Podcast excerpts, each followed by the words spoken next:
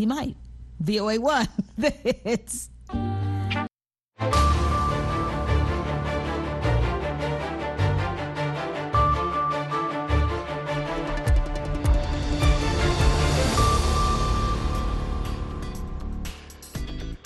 halkani waa washington laanta afka soomaaliga ee v o a oo aad ka dhagaysanaysaan mawjadaha gaagaaban efmiyada geeska afrika iyo caalamka o dhan oo aad nagala socotaan v o a somaly com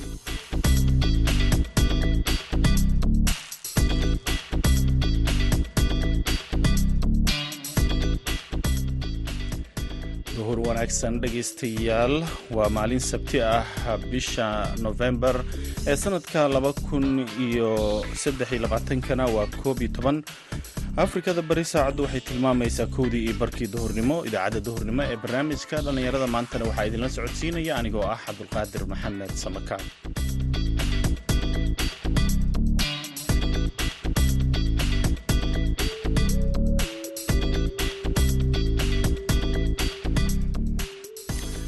qodobada aad ku maqli doontaan idaacadda duhurnimo waxaa ka mid ah barnaamijkii madasha dhallinyarada oo toddobaadkan aan ku eegayno kaalinta dhallinyarada waxbaratay ay uga qayb qaadan karaan dib u dhiska dalka. Dabcan dhallinyarada soomaaliyeed tobankii sano ugu dambeeyey waxay ku dhiiradeen awil ayagoo ka baqaaya dee colaadaha dalka ka jiray ee civil warka iyo kii argagixisadaba dabcan banaanka ayay ka ahayd dowlad dhiska dabcan markii ay ku dhiiradeen markii ay arkeen halka loo socdo inaan la'aantooda aan meel la tegi karin waxay ku khasbanaadeen in ay kaalinta ay ku leeyihiin dowlad dhisku ay ka qayb qaataan. Kaalmihii heesaha ayaad sidoo kale ku dhagaysan doontaan balse intaas oo dhan waxaa ka horreeya warkii dunida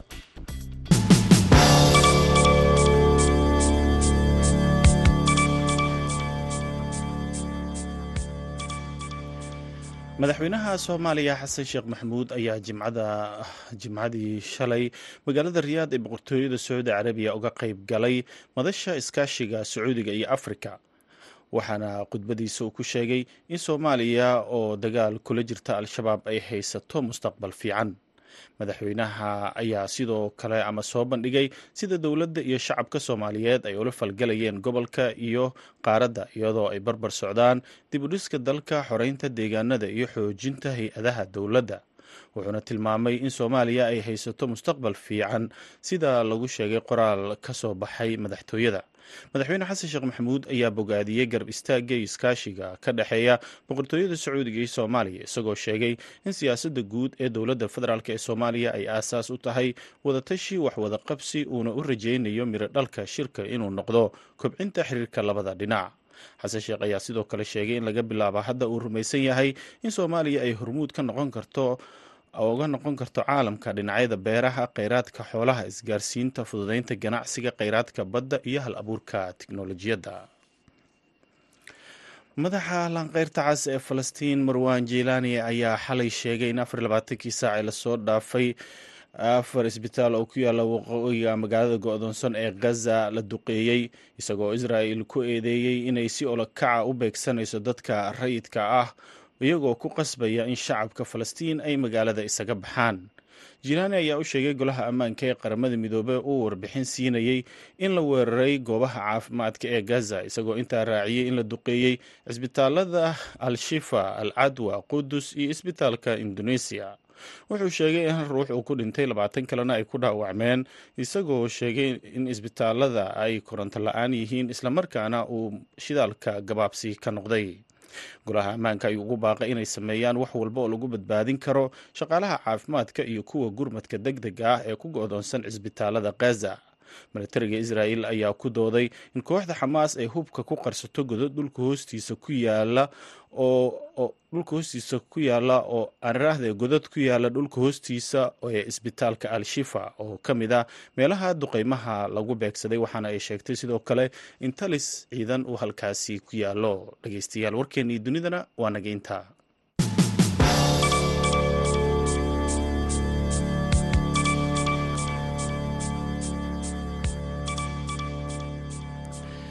halka aad warkaasi ka dhageysanayseen waa idaacadda v o a oo idinkaga imaaneysa washington. Haddana dhegeystayaal waxaad ku soo dhowaataan barnaamijkii madasha dhallinyarada waxaa muqdisho noogu soo diyaariyey soona jeedinaya cabdicasiis axmed barrow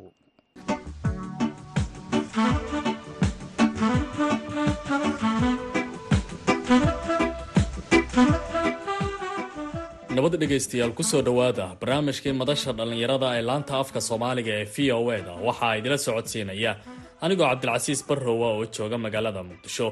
Guud ahaan toddobaadkan barnaamijka madasha dhallinyarada waxaynu ku eegi doonaa kaalinta da-yarta soomaaliyeed ee waxbaratay ay ku leeyihiin dib u dhiska dalka iyo ka qayb qaadashada dowlad wanaagsan oo soomaaliya si weyn uga hana qaada.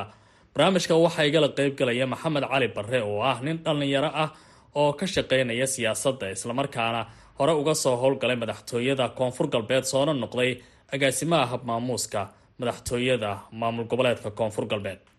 Maxamed cali barre marka hore ku soo dhawo barnaamijka madasha ee laanta afka soomaaliga ee v o e da. Waxaad iiga warantaa aragtidaada dhallinyarada soomaaliyeed waayadii ugu dambeysay dowrka ay ku lahaayeen dowlad dhiska dalka soomaaliya. Cabdicasiis walaalkay aada umahadsan tahay adiga iyo madasha v o a dabcan dhalinyarada marka laga hadlo doorka dhalinyarada soomaaliyeed ay ku leeyihiin kaalinta ay kaga leeyihiin dowlad dhiska iyo dibudhiska dalkan dabcan dhalinyartu waa mid ka mid ah tirarka ugu muhiimsan ay bulsho ay leedahay.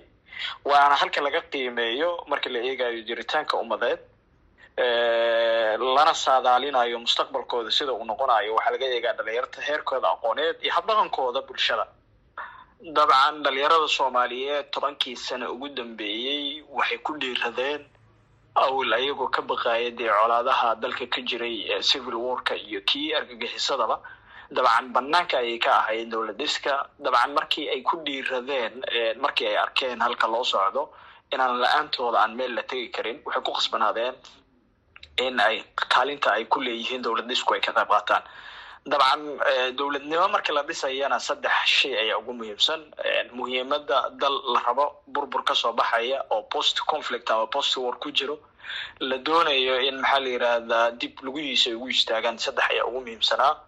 In state building la sameeyo iyo peace building iyo development building. Dabcan dhalinyaradu kaalimahaasi iyo dhinacyadaasi waa ay kulli waa ay wada galeen. Dabcan hadda waxaad aragtaa ciidamada jamhuuriyadda federaalk soomaaliyeed boqolkiiba sagaashan iyo sagaal waa dhalinyaro oo dee dhiigoodii iyo naftooda u bixinayay in dalkani dib u iyo niyad wanaagiisu dalkani ay laguhiis ku istaago.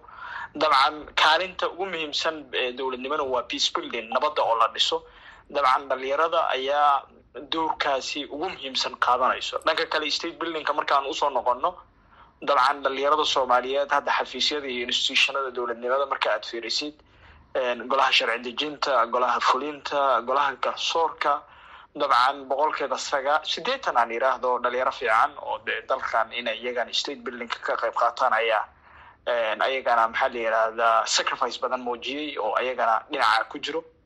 Dabcan dhinaca developmentiga marka aan fiirino dee saxaafaddu ay qayb ka tahay dhalinyaro badan oo iskooda isku xilqaamay oo aan dowladna u shaqayn yaa waxaa laga yaabaa inay ka shaqaynayaan hay'adaha dowladda iyo kuwa aan dowlad dawliga ahaynba dabcan markii la fiiriyo ganacsiga iyo maxaa la yiraahdaa dhaqaalaha kobaca dhaqaale ee dalkan oo dee tiir muhiim ugu ah dowlad dhiska dabcan dhalinyaro badan ayaa ka qayb qaadanayso oo xogsato ah oo iskooda iyaga isku maalgeliyey dalkan haddii aanan iyagu ka qayb qaadan inuusan dhismayn markii ay ogaadeen. Dabcan platformyada ugu badan ee maanka lagu shiilana waxa ugu badan ee ka shaqeeya waa dhalinyaro. Dabcan kaalin mugweyn ayay ku leeyihiin.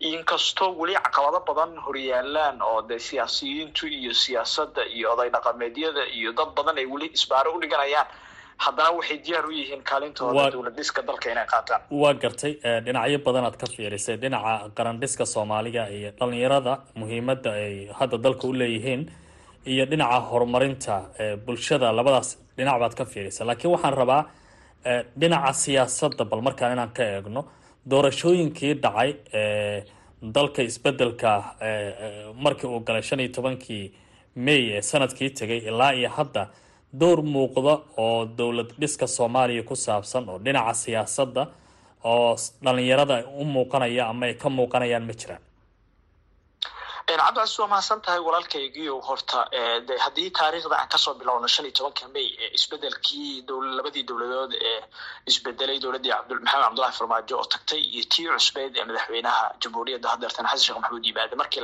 keliya aan ka eegno dabcan kuraasta ugu badan ma ogtahay siyaasadu kuraasta ugu badan haddeertan tusaaleaan wax bedeli karay ee doorashadu bedeli karay ee isbeddelka keenayana golaha shacabka maadaama ay ahayeen xildhibaanada dabcan tiirka inta ugu badanna waxaa soo galay dhalinyaro aada u tiro badan. Siyaabaha iyo approachka ay ku yimaadeen de waa meesheeda. Laakiin waxa ugu muhiimsan aan ka eegeen waxa weeye dhalinyaro ma yihiin qarankan inay dhisaanna diyaar ma u yihiin. Dabcan siyaasadu kaalin mug weyn ayay ku leeyihiin. Keliya lama eegi karo tan dhexe. Dowlad goboleedyadu waxa ugu badan ee haddeertaan socdo dowlad diska ka qaadanaya ee siyaasadda. Maxaa la yihahdaa kaalin mug leh ku leh. Dhalinyarada ayaa ugu badan dabcan boqol kiiba toddobaatan ayaan dhihi karaa inta aan qiyaasi karo. Anigu de maxaa la yihahdaa aad baan ula socday. Xildhibaanadii dhalinyarada ahaa ee doorashada galay kuraasta ku soo guulaystay iskooda u socday dhalinyarada ahaa maxaa la yihahdaa ku dhiiraday. Sideedana waana waana kuu sheegay cabdicasiisow dhalinyaradu inay siyaasadda ku soo dhiir dhiiradaan. Toban sano ka hor ayay bilaabeen maxay tahay is leedahay? Maxay tahay is leedahay? Sababtay ugu dhiiradeen. Fursadda u muuqanaysa maxay tahay? Dhinacaas badii laga fursad fursadda u muuqanaysa ayaa waxay tahay madaxweyne xasan sheekh markii uu ku guulaystay labada kun iyo laba iyo tobanka. Dabcan dhalinyarada ayaga oo de waagii hore dhaqan soomaaliyeed waxaa jiray dhalinyar maxaa la yirahda dhaqan soomaaliyeed waxaa jira odayaashu dhaqanka inta badan awooda badan lahaa madaxweyne xasan sheekh markuu xukunka yimi waxa ugu badan oo ka shaqeeyay waxay ahayd tarabkiisa hore ayaan ka hadlayaa. Waxa ugu badan oo ka shaqeeyay waxay ahayd dhalinyarta tacliinta leh iyadoo aanan loo eegeynin oday hebel miyaa wada saaxiib hebel maa wada. Iyadoo aan loo eegeyn weliba waxa uu ka bilaaban waxay ahayd dhalinyarta daljooga ah ee weliba jaamacadaha ka baxay ee ugu badnaayeen dhalinyartii jaamacadda simad ka baxay. Dabcan markii ay arkeen madaxweynaha inuu de ku fikirayo inuu dhalinyaradii power garaynayo waxay go'aansadeen marka qof kasta oo dhalinyaro ah inuu marka dee tallaabadii uu awal qaadi jiray tallaabo ka dheeraysa uu qaado. labada kun iyo lix iyo tobankii waa og tahay boqolkiiba inta ugu badan konton ayaa dhalinyaro noqotay. Tanna waxaa ku darsantay labaatan soddon aa ku darsantay boqolkiiba sideetan sidaas ayay igu dhiiradeen walaalkeygi waa gartay. Awoodda marka dhalinyaradaasi siyaasadda soo galaya ee dowladnimada soomaaliya ka dhex shaqeynaya ay u leeyihiin fahanka dowladnimada loo baahan yahay iyo dalkan colaadaha muddada ka soo jiray ee hadda dib u dhismaya fahanka ay u leeyihiin inay ka shaqeeyaan iyo kartida ay siyaasadda dhalintaasi la soo galayaan maxaa lagu tilmaami karaa? Wallahi cabdicasiisow haddaad dib u fiirisid taariikhdii hore ee dhalinyarada soomaaliyeed dalkan xurnimadiisa waxaa ka shaqeeyay saddex iyo toban nin oo dhalinyaro ah. Saddex iyo tobankaasi dhalinyarada ah maanta fursadda iyo imkaaniyaadka aan haysano ma aysan haysan dabcan technolojiyadu iyo isbeddelka dunidana maanta sida ay ahayd maalintaas iyo maantana isku mid ma ahan. Dabcan waxaa laga yaabaa ninka ugu darajo sarreeyey waxaan u malaynayaa saddex iyo tobankaasi inuusan ahayn xataa jaamici oo digriga koowaad ee patrolka aanan qaadan. Dhalinyaro dugsi sare ka baxday oo laakiin u dhiiraday inay dalkooda xoreeyaan ayay ahaayeen dabcan maanta oo fursadu ka badan tahay waxaa helaysaa dhalinyaro aanan de da-dooda xataa soddon aanan gaarin oo darajada heerka labaad ee jaamacadaha wata. Waxaa arkaysaa dhalinyaro soddon jira ah oo jaamacadda heerka jaamacadda saddexaad ee p h d da wata.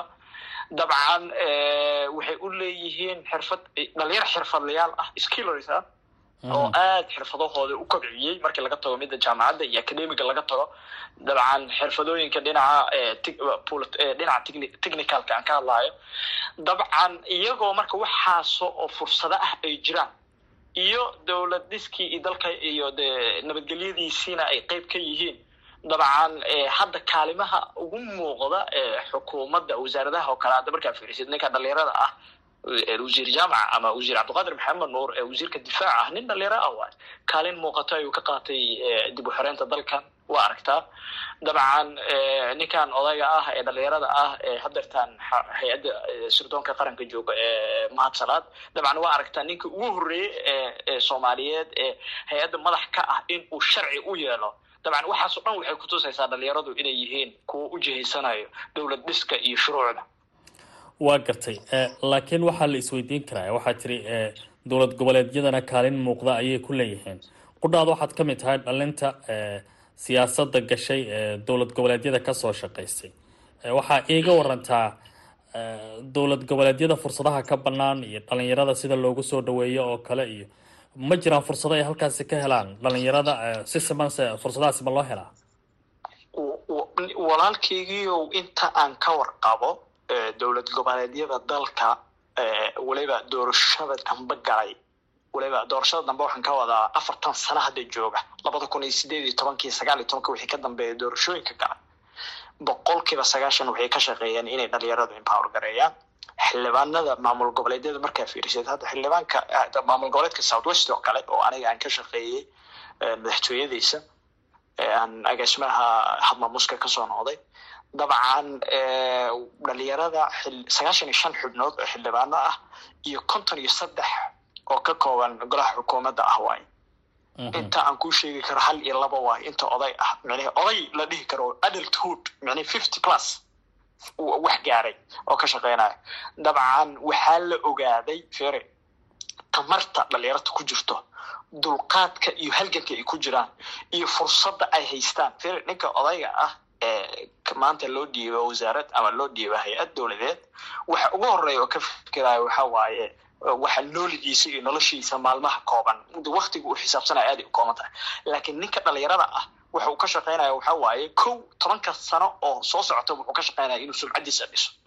Sumcadiisa dhiso fursadaha tobanka sano dambe ee imaanaya ee mustaqbalka siyaasadda uu ka dhex leeyahay inuu dhiso laakiin inta ugu badan hadda odayaashu maba eedeyn karee laakiin dalka oo dhan baaba dal iska dal musuq maasuq ahaa. Muddooyinkan dambe oo hadda aan ka soo baxay maxamed laakiin maxamed mar haddii aad sidaasi tiri laakiin waxaa la leeyahay soomaha dhalinyarada xagga khibradda iyo fahanka dowladnimada waa loogaga horeeyaa marka wax badan ayay ahayd inay xafiisyo hoose shaqada ka bilaabaan xagga siyaasadda ah kadibna ay yimaadaan meesha dadkan sarsare ee da-da weyn ay ka shaqeynayaan su'aashaasoo doodaasi soo sax ma noqon karto dabcan waa su'aal la isweydiin karo oo meesheeda ku jirto laakiin dee su'aal u baahan ha imaya keliya ma waa philosophical question waaye si falsafadeedaan rabnaa inaan uga jawaabno dabcan fere khibraddu sideedaba ma aha dee shaqada ninkaani maogtahay odayaasha hadda boqol kiiba sagaashan ka shaqeeya dowladnimada waxay dhehe maogtahay labaatan soddon sano ka badanna dowlad burbur baan ku jirnay oo dalkan dowladnimadiisi waa ay dhaawacantay waxa ay ka shaqeyn karaan dowladdii militariga aheyd ee xoogga dalkan ku haystana waxay ka shaqeyn karaan way iska koobneed. Laakiin nimanka dhalinyarada ah oo maalintii uu lix sano jiray class schoolka la geeyey soddon sano labaatan sano ka badan wax akhrisanayay wax baranayay. Dabcan wuxuu ugu baahan yahay waxa waaye waxa ugu horeyso inuu shaqo qabto. Dabcan waana dee hadda waxyaabaha oo hadda oo dee la mahdinayo waaye shaqada sanadka ugu horeeyaba ninka dhalinyarada ah meesha uu joogo ama hay'adda uu joogo noocii doonta ha ahaatee waa uu ka soo dhalaalaya. Dabcan hadda xoogga dalka ninka hogaaminaya nin dhalinyaro ah waayo waxa ka horreeyey odayaal tiro badan baa ka horreeyay laakiin maanta halka uu keeno waa arkaysaa dabcan haddii dowlad de looga baaqdo dhalinyarada ay uga baaqsato khibrad ma lihid. Khibraddu sideeda waxay timaadaa shaqa markaa bilowda shaqa inaa qabatida aana muhiim ah shaqa markaa qabatideena khibrad timaadaa dabcan adoo aanan shaqo qabanba haddii lagu yidhahdo khibrad malihid iska tag. Dee noloshaadoo dhan de khibrad malihid iska tag unbaa ku jiraysaa ma garat waa gartay. Tiradii loo baahnaa marka dhalinta ee siyaasadda hadda ka shaqaysa iyo kuwa hadda jooga tiradii loo baahnaa siyaasadda inay ka shaqaysa ma kula tahay inay ka shaqeeyaan? Mase waxaad leedahay weliya fursada in la siiyo ay u baahan maya maya maya waxaan qabaa dabcan sideedaba fursadaha maalinba meel bay ka bilowdaan shalay meesha la joogay maanta lama joogo. Dabcan haddana maanta beri meesha aan hiigsanayno intaa waa ay ka fog tahay. Dhalinyartu weli fursado badan ayaa u banaan dowla dowladaha maamul goboleedyada iyo dowladda dhexena aan ku boorinayo waxa weeye in dhalinyaradu maadaama la arkay kaalintooda iyo energyga iyo tamarta ku jirto waxaan qabaa fursadda ay haystaan weli waa ay kooban tahay fursad hala siiyo. Maxamed cali barre dabcan aniga haddeerta aniga hadda aniga hadda cabdicasiis raalli ahow arrin aan kugu daro aniga hadda dadka ka doodaan ku jiraa oo weliba doodahaasi in baarlamanka la geeyo oo la furo aan rabaa. Waxaan rabaa qodobka dhahayo mas'uuliyiinta ugu muhiimsan dalkan de ma og tahay waa waa waa hay'adaha ugu muhiimsan hay'adda madaxtooyada hay'adda xukuumadda iyo hay'adda sharci dejinta. Hay'adahaasi hadeertaan dhalinyartu way ka xadidan tahay. Dabcan waxaa ku qoran xeer hoosaadyo oo aan de is leeyahay iyo dastuurka waxaa ku qoran afartan qof aanan dhaafin uma tartami karo xilka madaxweynaha afartan nim aan gaarin uma tartami karo guddoomiyaha baarlamaanka. Dabcan aniga hadeertan waxaaba rabaa inaan dood ka keeno oo aan weliba de aan aan aan dad badanna aan raba inaan la kaashado xildhibaanada hadda jirana aan maxaa la yirahda aragtidaas u bandhigo in laga shaqeeyo qodobkaasi afartanka dadka dad badan oo dhalinyaro ah oo tacliil leh oo mustaqbal leh ee dalkan wax badan tari lahaa. Yaa maanta waxay kaga baaqanayaan fursadahaas da-daas meeshaas lagu xanibay marka waxaan qabaa da-daas naftirkeeda in meeshaa laga saaro. Waa gartay. Marka waxaad leedahay da-daa la isku haystaa. Dhinaca kale waxaan rabaa bal inaan ku weydiiyo maxamed cali barre waad ka soo shaqeysa siyaasadda koonfur galbeed. Bal waxaan rabaa inaan ku weydiiyo caqabadaha ugu badan ee qofka dhalinyarada ah marka siyaasadda uu gudaha u galo caqabadaha uu la kulmo ee ugu horreeya ee fahamka u baahan maxay yihiin wallahi niyo caqabadaha horta aaday u badan yihiin. Dabcan caqabad kaa hor timaada haddaa uga istaagtidna dee nolosho dhan ma soconayso. Caqabadaha ninka dhalinyarada ah meel marka uu yimaado waxa uga badan uu ka shaqeynayo waxa sumcadda meeshaasi iyo sumcadiisa iyo maxaa la yiraahdaa wax ugu yaraan. Sumcadda markaan ka hadlayana maaha dee maogtahay sharaftiisa shaksiyan kama hadlayo waxaan ka hadlayaa waxaan lagu dhiibay maxaa ku kordhin kartaa maxaa ku dari kartaa? Si sumcadaada ay wax ugu darsanto. Ilaa maogtaha markaa meel aad timaadid aad wax ku dartid adigana waxbaa kuu kordhaayo darajo ahaan dabcan dhalinyaradu inta badan waa la colaadiyaa. Hawa u badnaata cidda colaadiso. Dadka hadda dee maogtahay maogtahay tartan baa lagu jiraa. Noloshu waa iska tartan siyaasaduna waa tartan cidda colaadinayso waxay u badan tahay dadka hadda aad dhahayso khibradoodii maadaama ay si kale haddii aad u dhigto waa dadka siyaasadda uga horreeya dadka siyaasadda ka horeeyay hadda hadda caqabada hadda hal iyo laba iyo saddex hadda aan kaaga sheegi karo waxaa ka jirto. Hadda qof dhalinyaro ah oo aan asxaabna yahu wuxuu ka shaqeynaya wasaarad wasaaradaha ka mid ah. Dabcan meel fiican uuna soo gaarsiiyey nin ama shaksi oo ay ehel yihiin oo dee arkay firfircoonadiisi iyo halka uu qofkaa u socdo oo siyaasadana dabcan hadeertaan isleh alla ilaniyo waa si gabaabsiya tahay cidda ku bedeli karto dhinacyada markuu eegan qofkii arkay. Dagaal uu galay saameyntiisii wixii uu dowladda ku dhex leeyahay uu sameeyey ninkii dhalinyarada ahaa qofkii dhalinyarada ah meesha waa laga ceeriyey shaqa ahaan banaanku hadda taagan yahay marka caqabado tiro badan marka qof kasta wuxuu iska ilaalinayaa marka dadka siyaasadda kaaga horreeyey waxay iska ilaalinaya war ninkaa dhalinyarada ah ee firfircoon ee halganka ku jiro oo iyadoo aanan cida garab u noqon meel meeshaa tegaya halkaa tegaayo odhiyo berri meesha uu u soo socdo waa kursigaaga. Waa kuraasta waxaan sheegaya doorashada. Ah kursigaaga u soo socdaa adiga waxaa laga yaabaa inaad farsamo iyo technical ka shaqeynayso. Kursigaaga u soo socdaaye odhiyo ninkan amaa dhinac isaga leexisaa marka caqabadaha ugu badan waxaa waaye dadka siyaasadda kaga horreeya ayaa caqabad ku ah marka ugu dambeysa su'aasha ugu dambeysa haddii aan ku weydiiyo xalka dhalinyarada iyo siyaasadda dalka iyo dowladnimada maxaad is leedahay way ku jirtaa? Xalka dhalinyarada wuxuu ku jirtaa dhalinyaradu waa inay iska warqabaan. Dabcan dhalinyaradu waa inay samaystaan platform sia oo ay isugu imaadaan. Inkastoo haddaba ay jiraan ayna ka hadlaan dalkan inaysan marti ka noqon system kuwaba ay ku jiraane. Aysan noqon kuwa ka shaqeeya keliya nooligooda iyo maalmaha ay joogaan dabcan ay ka shaqeeyaan aragtida dhalinyarada oo aragtida hadda aan ka hadlayo oo ah aragtida da-dan xadiday inay meesha ka saaraan kuwa xafiisyada joogo kuwa banaanka joogana inay karkariyaan ay arrintaa ka shaqeeyaan. Dabcan inay garab isu noqdaan iyagu ay isku qabiil noqdaan oo aanan maxaa la yirahdaa dhexdooda la kala dhantaalin dabcan qabiilka ay isticmaalayaan ay noqdaan soomaali ka sokana qabiilka la yiraahdo dhalinyare maadaama ay dhalinyaro yihiin. Inta ayaa ugu baaqaya dhalinyarada aad baad u mahadsantaa maxamed cali bar intaas ayaan ku soo gabagabeynayaa barnaamijkii aan idila socodsiinaya anigoo cabdilcasiis barrow tan iyo kulanti dambe waxaan idin leenahay nabadgelyo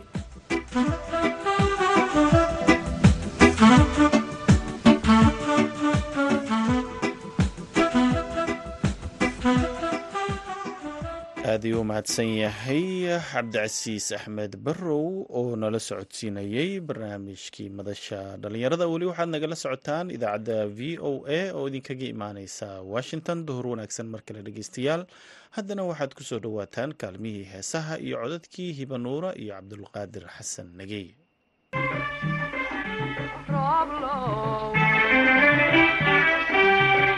raasamaalnin haysto maal badan rakaatay iyo kii rafaade raaskiisu maran yahay rugma wada degaano looma wada riyaaqe rooblow haysto maal badan rakaatay iyo kii rafaade raaskiisu maran yahay rugma wada degaano looma wada riyaaqe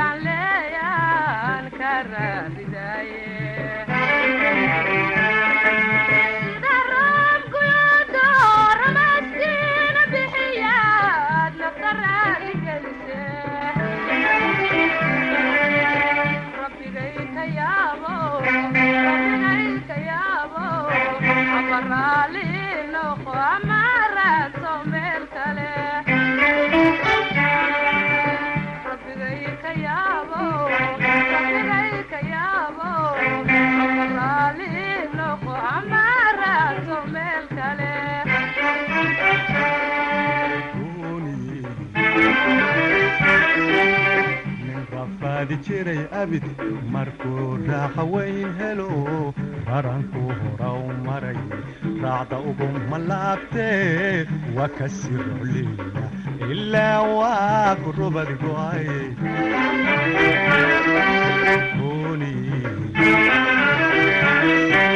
nin rafaadi jiray abid markuu raaxa weyn helo raranku hora u maray raacda ugu malaabtee waa ka sii rocliya ilaa waa ku rubad go'ay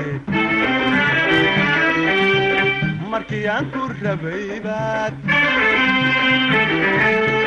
raadkayga goysood mid kaloo ruxlayse markii aan ku rabay baad raadkayga goysood mid kaloo ruxlayse kilayga rogayba reeryadaa ku saare kilayga rogayba reeryadaa ku saare annaka ma ridaye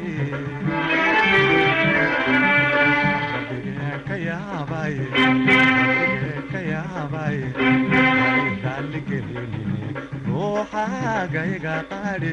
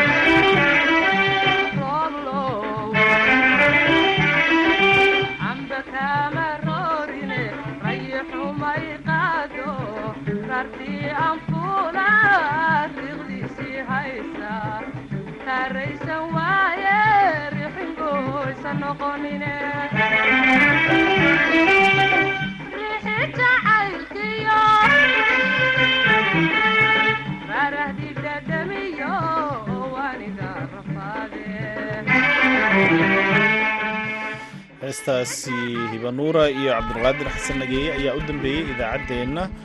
Waxaa idinla socodsiinaya anigoo samakaaba tan idaacaddeenna galabnimo. Waxaan idinkaga tegaynaa sidaa idina badgeliya